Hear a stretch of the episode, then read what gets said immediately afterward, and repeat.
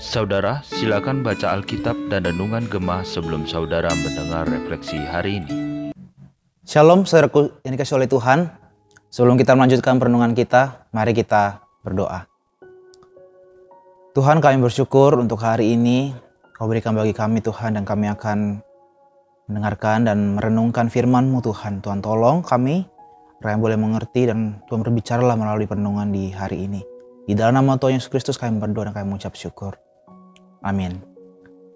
Saudaraku sekalian yang dikasih oleh Tuhan, hari ini kita kembali dalam renungan kita dan kita akan melanjutkan perenungan kita dari kisah Ayub, saudaraku.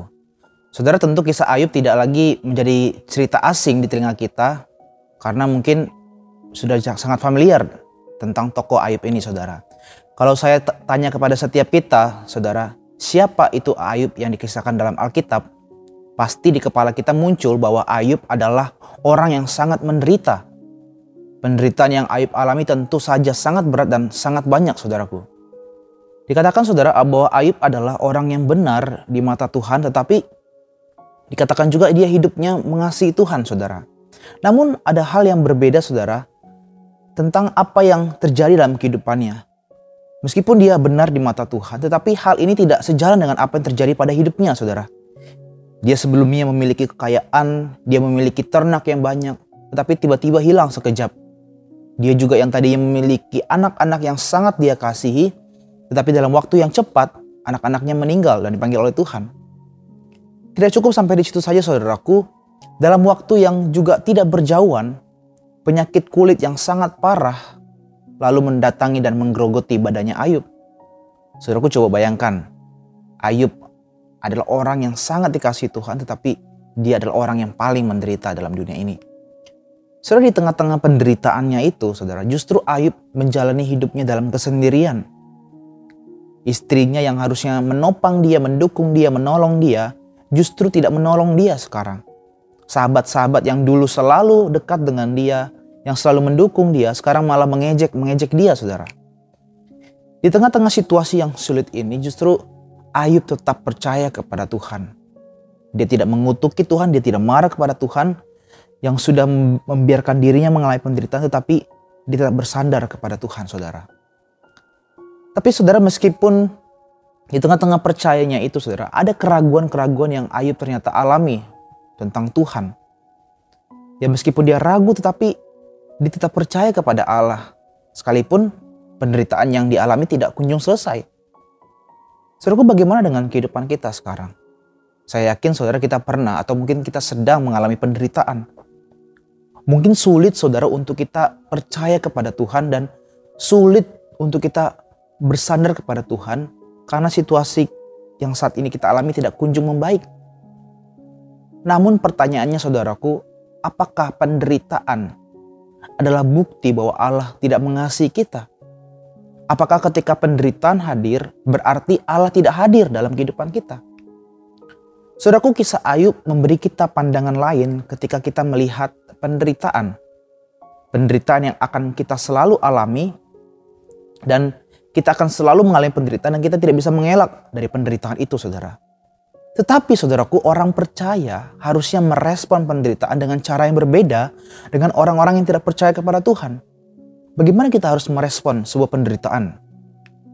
Yang pertama saudaraku penderitaan menjadi sarana Allah mengasihi kita. Ayub 36 ayat 15 dikatakan, dengan sengsara, ia menyelamatkan orang sengsara. Dengan penindasan, ia membuka telinga. Saudaraku, ayat ini diungkapkan oleh Elihu, salah seorang teman dari Ayub, untuk menyadarkan Ayub tentang imannya kepada Tuhan. Kalau saudara baca di pasal-pasal sebelumnya, saudara, sahabat-sahabat Ayub terus mendorong Ayub untuk marah kepada Tuhan, untuk mengutuki Tuhan, dan jangan percaya kepada Tuhan karena Tuhan sudah menimpakan penderitaan kepada Ayub. Dan memang ada momen saudara di mana Ayub akhirnya ragu dan memilih percaya kepada perkataan para sahabatnya. Tetapi Elihu datang dan menguatkan iman Ayub di tengah-tengah keraguannya itu. Bahwa penderitaan hadir bukan karena Allah tidak mengasihi Ayub. Penderitaan hadir bukan karena Allah meninggalkan dirinya. Justru penderitaan hadir sebagai bukti Allah mengasihi dirinya. Ayat ke-15 dikatakan saudara bahwa penderitaan adalah cara Allah untuk mengasihi umatnya. Saudara, orang benar dan orang fasik merespon penderitaan dengan cara yang berbeda. Orang fasik ketika penderitaan datang, mereka tidak meminta pertolongan kepada Allah. Justru mereka marah-marah dan mengutuki Allah. Tapi orang benar ketika penderitaan datang, itu sebagai ujian untuk mereka bersandar dan menguji untuk mereka terus berharap dan bersabar hanya kepada Tuhan. Dan di situlah kasih dari Tuhan dinyatakan melalui penderitaan kita. Yang kedua saudaraku, penderitaan menjadi sarana kita melihat kemuliaan Allah. Inilah respon yang harusnya hadir dalam diri kita ketika penderitaan itu hadir dalam kehidupan kita. Bagaimana di dalam penderitaan kita bisa melihat kemuliaan Allah dan kasih Allah dalam penderitaan kita. Elihu kembali menguatkan Ayub dalam pasal ke-37 ayat 14. Berilah telinga kepada semuanya itu, hai Ayub. Diamlah dan perhatikanlah keajaiban-keajaiban Allah. Memang sulit ketika penderitaan datang, ketika pergumulan datang, sulit untuk kita bisa melihat kemuliaan Allah. Karena penderitaan yang begitu gelap mungkin sampai-sampai kita tidak lagi melihat cahaya kemuliaan Allah dalam diri kita. Tetapi justru di dalam penderitaanlah orang percaya harus dapat melihat bahwa penderitaan tidak ada apa-apa jika dibandingkan kasih Allah.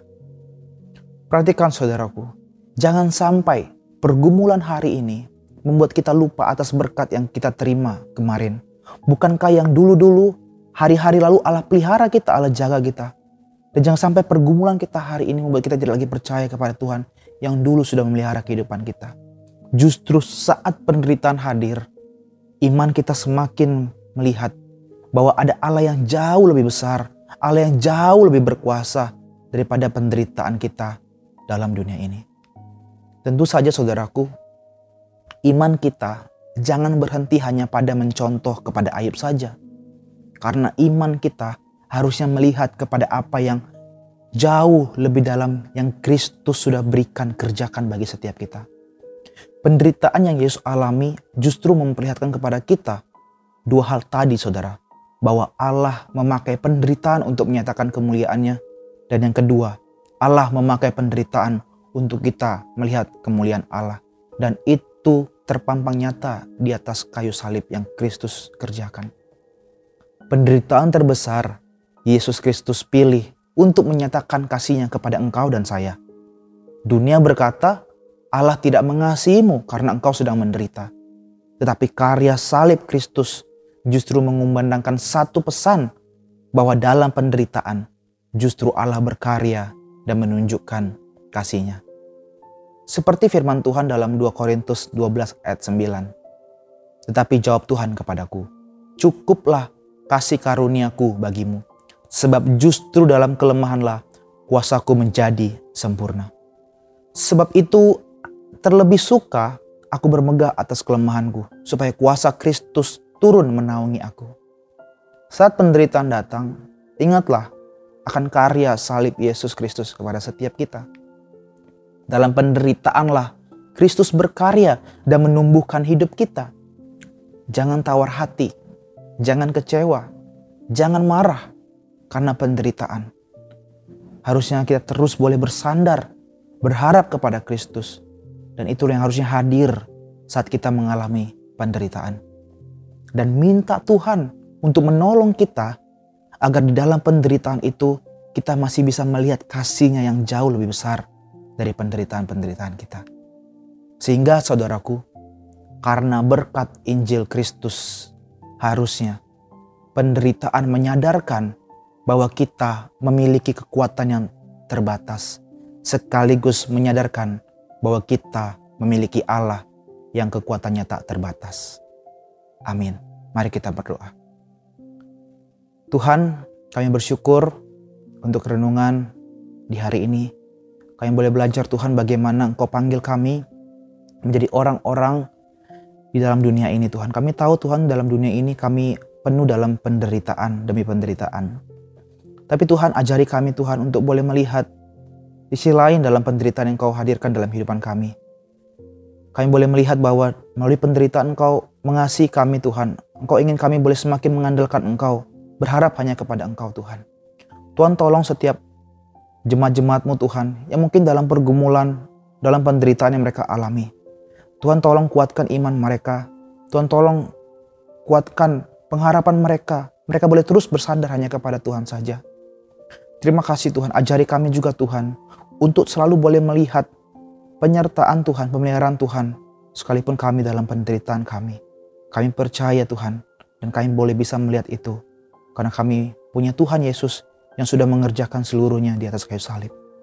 Hanya di dalam nama Tuhan Yesus Kristus kami berdoa dan kami mengucap syukur. Amin. Tuhan Yesus memberkati kita.